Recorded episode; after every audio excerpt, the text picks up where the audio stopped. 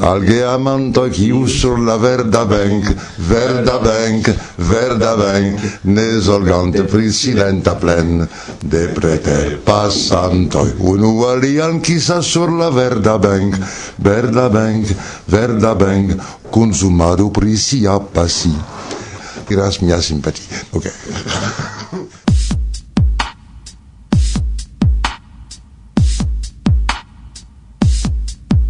saluton al auscultantoi de Varsovia Vento.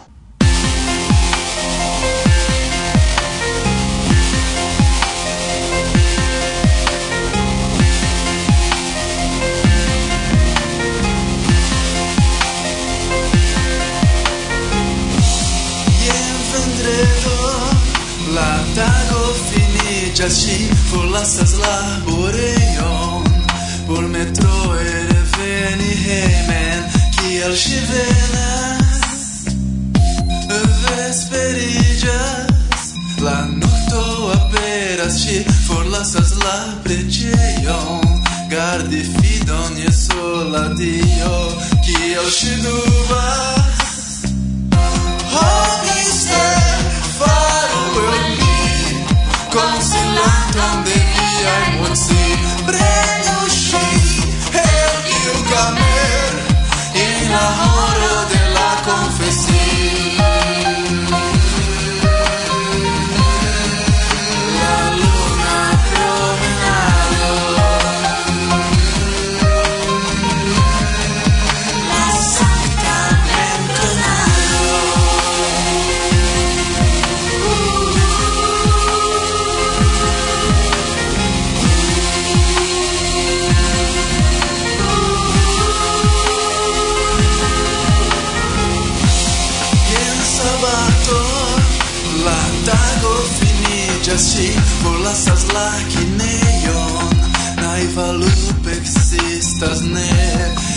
Kial ŝi staras Vesperiĝas La nokto aperas Ŝi forlasas la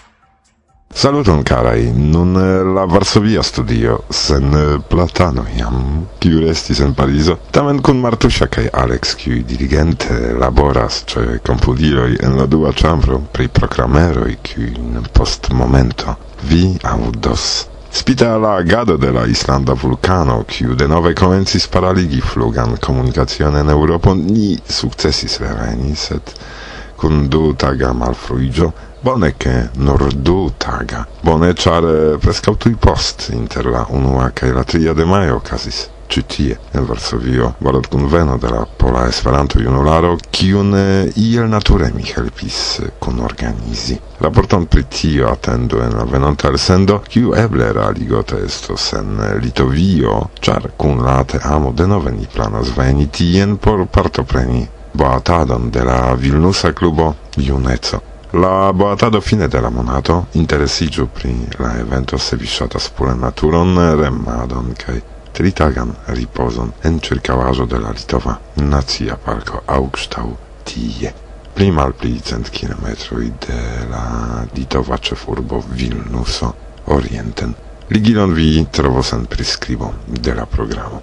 En Parizo ni renkontigis kun geamikoj memore pri Eriko, ĉe Champs-Élysées laŭte ni kantis la kanzonon Parizo sen vi kaj manĝis bongustajn glaciaĵojn. Ne nur kion post la momento kaj ankaŭ en la venontaj programoj sendube vi malkovros. Do kio hodiaŭ en la programon?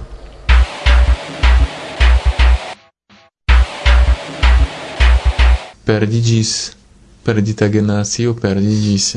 Es restas restis du homoj en io tu pos magi Do ni ni ankaŭ ne scias ĉu ni estas la perdita paf, la perdita clic o la paf generacio. Teo planas reformon de sia socikultura revuo Kontakto kaj serĉas ambicion, kompetentan redaktoron por estontece gvidi ĝin mi eh, uh, uzas nun preskaŭ ĉiam eh, accordionon pro praktika kialo ancau che accordiono estas portebla. Do trombono ancau estas portebla sed oni ne povas canti dum oni ludas trombonon. Do eh, uh, accordiono havas tiun avantagion che mi povas porti gin sur mia dorso simple mi ne povas havi auton, do se mi uh, volus ludi ciam pianon, uh, mi devus havi porteblan pianon uh, kaj havi auton por transporti ĝin. En la urbeto Rotenburg en Bavarujo oni fondis lernejon, kie oni instruas bonhumuron. La la la la La direktoro de la Usona Asocio de Alkoholfabrikantoj publikigis raporton pri la consumado de alkoholaj trinkaĵoj. La kostoj de la produktado estas tiel malaltaj. Ne. Plena vortaro de Esperanto 2005. Adaptita por blindaj samideanoj. Laŭ afabla permeso de Soato.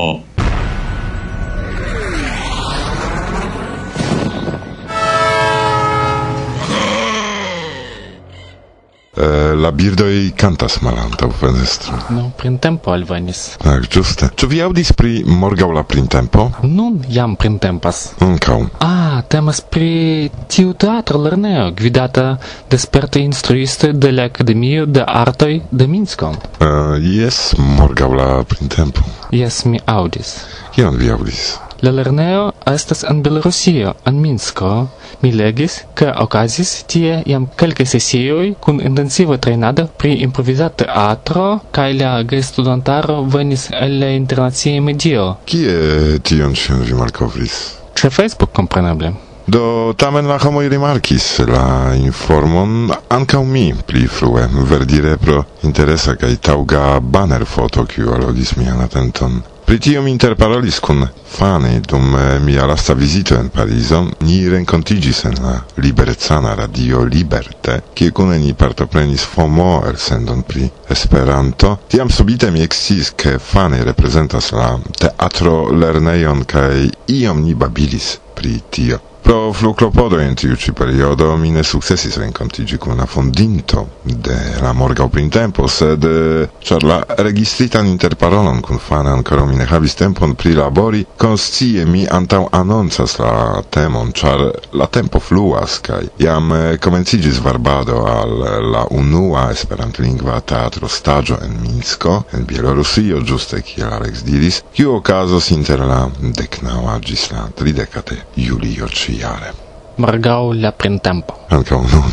Fakte. Serĉu konformajn ligilojn en la priskribo de la elsendo ankaŭ por vidi mm, pri kio temas. Varsovia vento La podcasto mia ciam bona momento Varsovia vento La orgasmo radia mi ne havas tro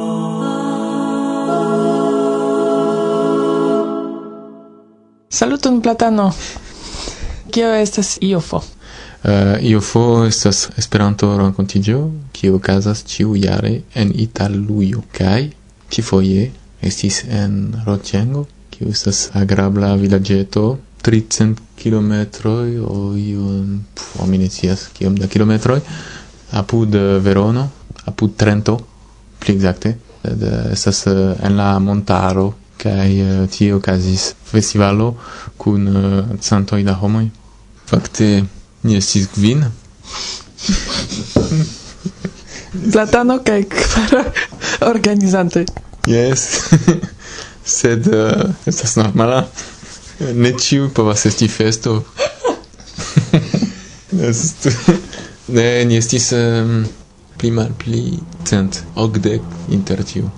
sed estis multe da homoj kiu restis en la ĉambroj. Estas ĉiam la sama. Estas homoj ankaŭ kiu vekiĝas frue kaj dormas frue. Tiun mi ne rakontiĝas ofte. Mi vivis nokte. Nokte estis tridek kvardek homoj. Venis televido itala televido kaj ni devis ŝajnigi ke ni estis uh, feliĉa kaj ke ni ĝuis la jofo je kiu horo tiu televido venis? Ah, dumtage. Do vi certe ankoraŭ ne feliĉis. Eh, mi simple volis kafon, kaj diris, ne, ne, vi devas ludi, kotopo, kaj mi ne estis tiom feliĉa ke mi volis kafon, ĉar ili faris bonegan kafon, uh, itala kafon, mi konsilas al ĉiuj bonegan kafon. Kion vi faris tie? Ĉu vi eh, respondecis pro io? Mi respondecis pri la koncerto de Platano, mi multe zorgis pri ili, ĉar fakte estas mi. Ŝerco.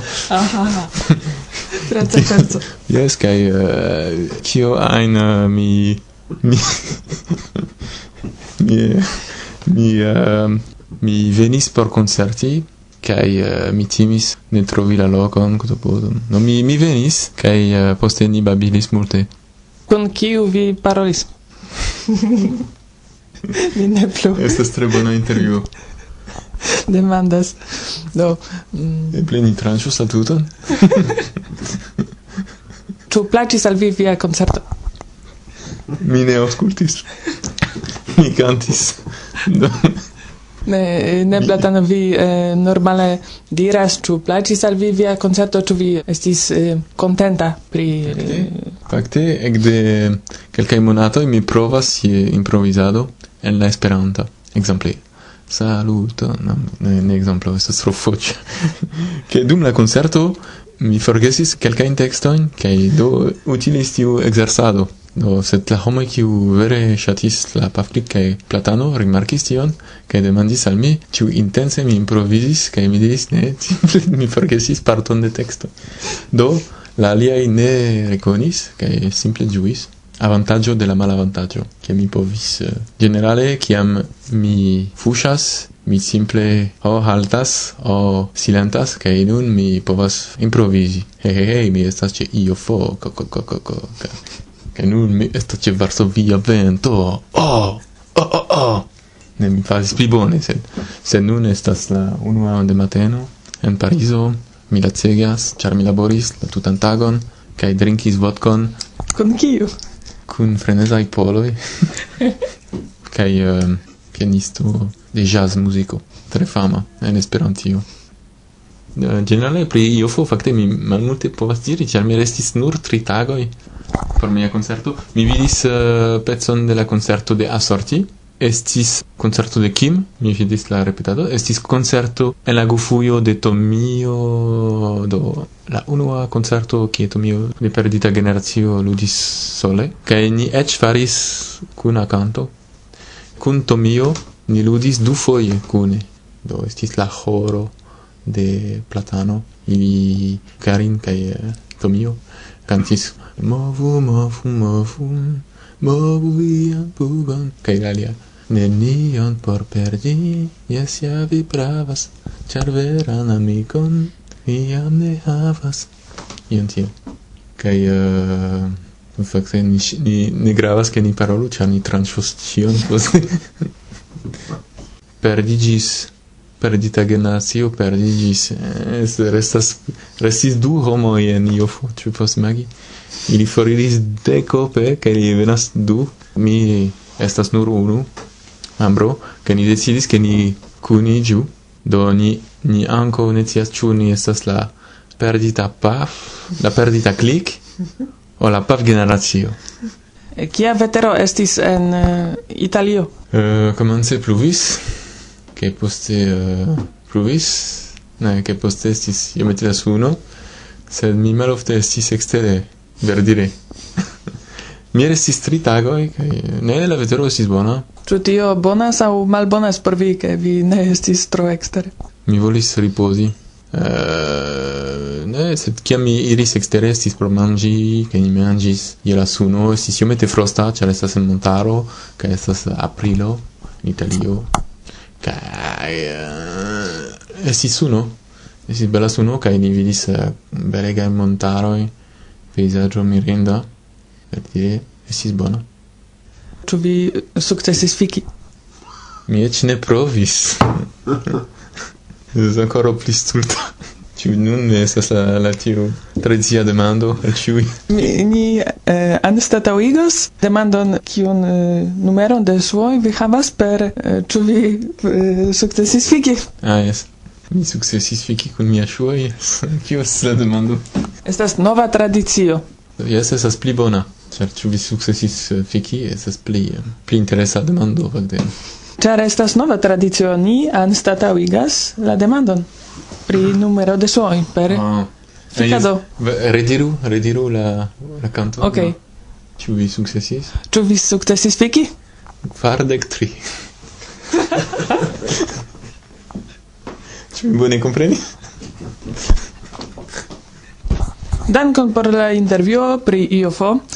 kaj ni certe ni revenos kaj ni rekomendas iofon.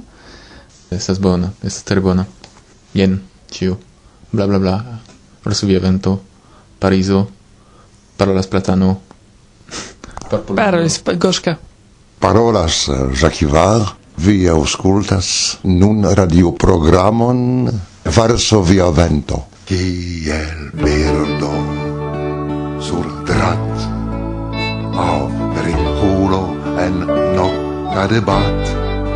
Strebis mi lau mia pov al liberez.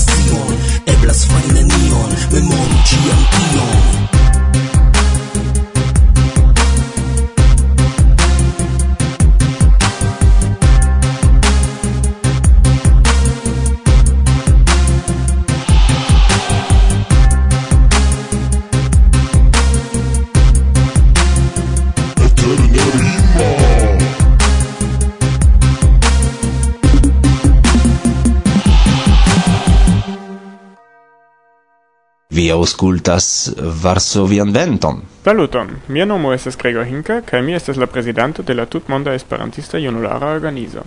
Ĉu vi interesiĝas pri ĵurnalismo? Ĉu vi mem verkas por esperantlingvaj gazetoj? Ĉu vi ŝatus respondeci pri unu el la plej grandaj esperantlingvaj revuoj?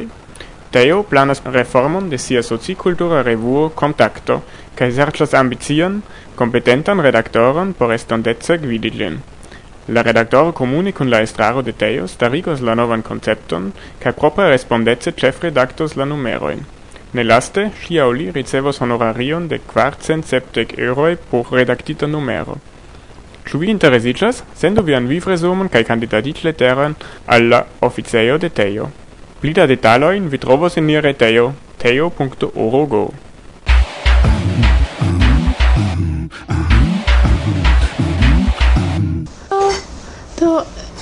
co powiedzieć dla kurczaka?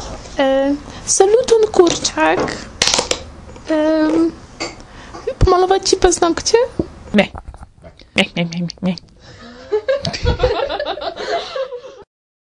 Saluton, estas famo. Tio estas mia pseudonimo, kiu estas la du nuaj silaboj el mia nomo, Fabrice Morando. Tio iĝis famo, kaj estis amikoj kiuj donis al mi tiun ideon eble tio helpos min famigi. en kiu cirkonstancoj vi esperantistigis? Unue mi audis uh, elsendon en la Nazia franca radio en Ogdek ok kai tiam esis tuta serio da elsendetoj ciutage, kai esis Esperanto kursetoj. Tio tre interesis min, kaj do mi diris, kiam mi havos tempon, mi lernos tiun lingvon. Kaj uh, eh, en naŭdek tri mi eklernis ĝin, tiam mi loĝis uh, en uh, okcidenta parto de Francio, sude de Bretonio. Ĉar mi estas blinda, mi eklernis per koresponde por ekkoni la brajlan alfabeton. Kaj poste mi iris al la loka klubo por sekvi la normalajn kursojn kai do tre rapide char mi estas muzikisto mi partoprenis muzikteatran trupon kiu estas en la regiono de Bordozo sudokcidente de Francio ki estas famaj vinoj. Kai kun tiu trupo ni munti spektaklojn pri franca kantisto Georges Brassens pri la Parisa komunumo kiu estas historia evento. Tio uh, rapide helpis min uh, esti sufiĉe komforta en parolado de Esperanto cefe kun la helpo de cantotekstoj, ĉu ne, ĉar tiel oni bone lernas la vortprovizon uh, ĉiutagan kaj ankaŭ pli poetan.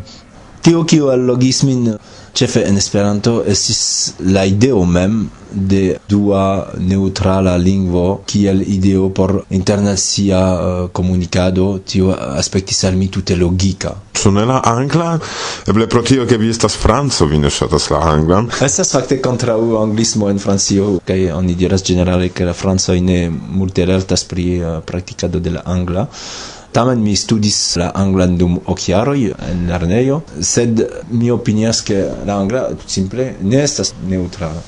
Eh, la angla ne estas neutrala, Esperanto estas neutrala. Do mi ne opinias ke Esperanto estas certe la plej bona solvo. Eble iam oni creos alian neutralan lingvon ancora pli efikan mi ne scias sed La ideo che internacia lingvo devas esti sen nacia estas por mi tute logika kaj ĝis nun Esperanto estas la nura tia lingvo kiu atingis tian sukceson, kiu akiris historion, kiu kreis sian propran kulturon kaj neniu alia sen nacia lingvo uh, kreita tiel uh, atingis tiun nivelon. Parolas mi lingvon belan kai fa belan lingvo homa kiu spitas al babelo lingvo neutrala ancau sen nazia fine nur al lingvo ia internazia gi ec existis post lingve universala, nascigis gi cun nom lingvo internazia, plu evoluas gi, internazia lingvo, por la estonto jen, gi ilo, esperanto! Parolas mi lingvon, belan cae fabelan, lingvo homa kiu spitas al babelo lingvo neutrala. Ancao sen nazia fine nur lingvo via internazia je parle une langue fabuleuse et belle, une langue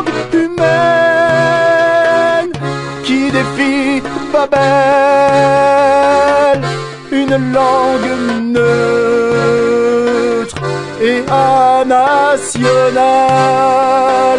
Enfin, une langue internationale. Kial vi electis accordeonon kiel musicisto? Ĉu pro tio, ke vi estas franco kaj ĉiuj francoj ĉe anguloj de la domoj accordeonumas?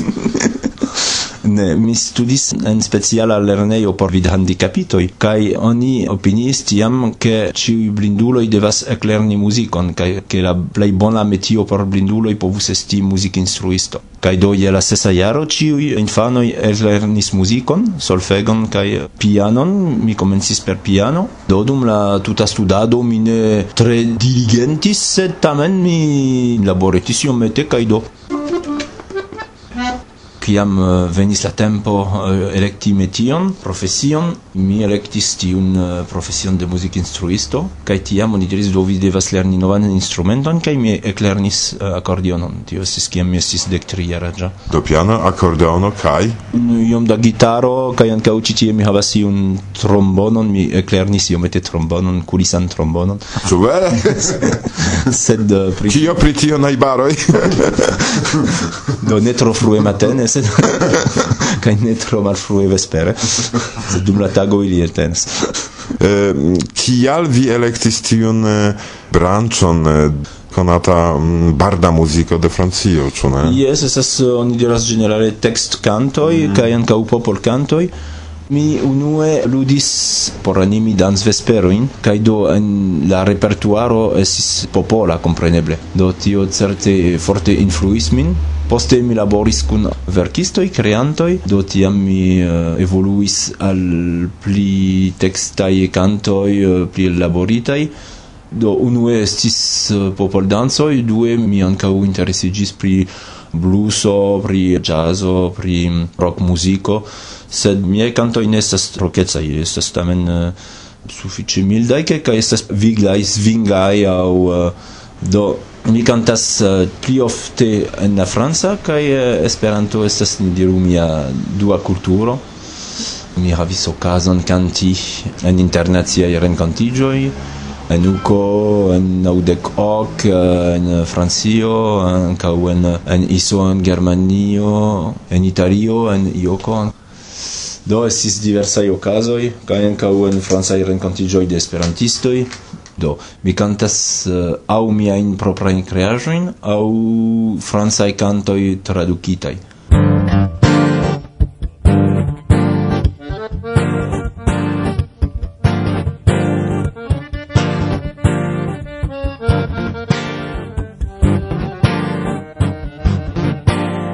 Mi estas stari, ali ben mia familia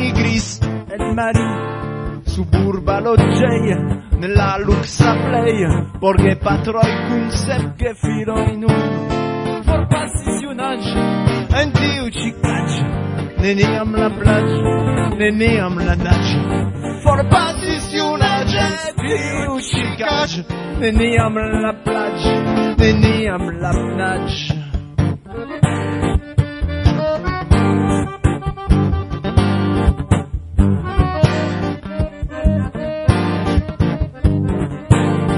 por escapir un chula drogo fum sufficias ne plu inspiro de glu.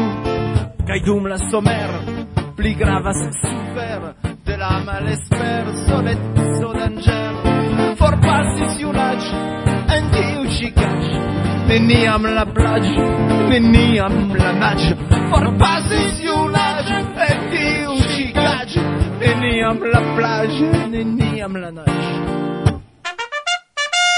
Reklamo. Festo. Festo. Festo. Festo. Festo. Festo. Festo. Festo. Festo. E la Franco de Festo Festo Festo. De nove bon venigas vin de la dec tria gis la dudeca de augusto 2010 en Toulouse, la plei bela urbo de Francio, kie ankaŭ loĝas aŭ apud kiu o loĝas siomo, kiu concertos dum Festo Festo Festo. Varsovia vento. Bla bla bla bla.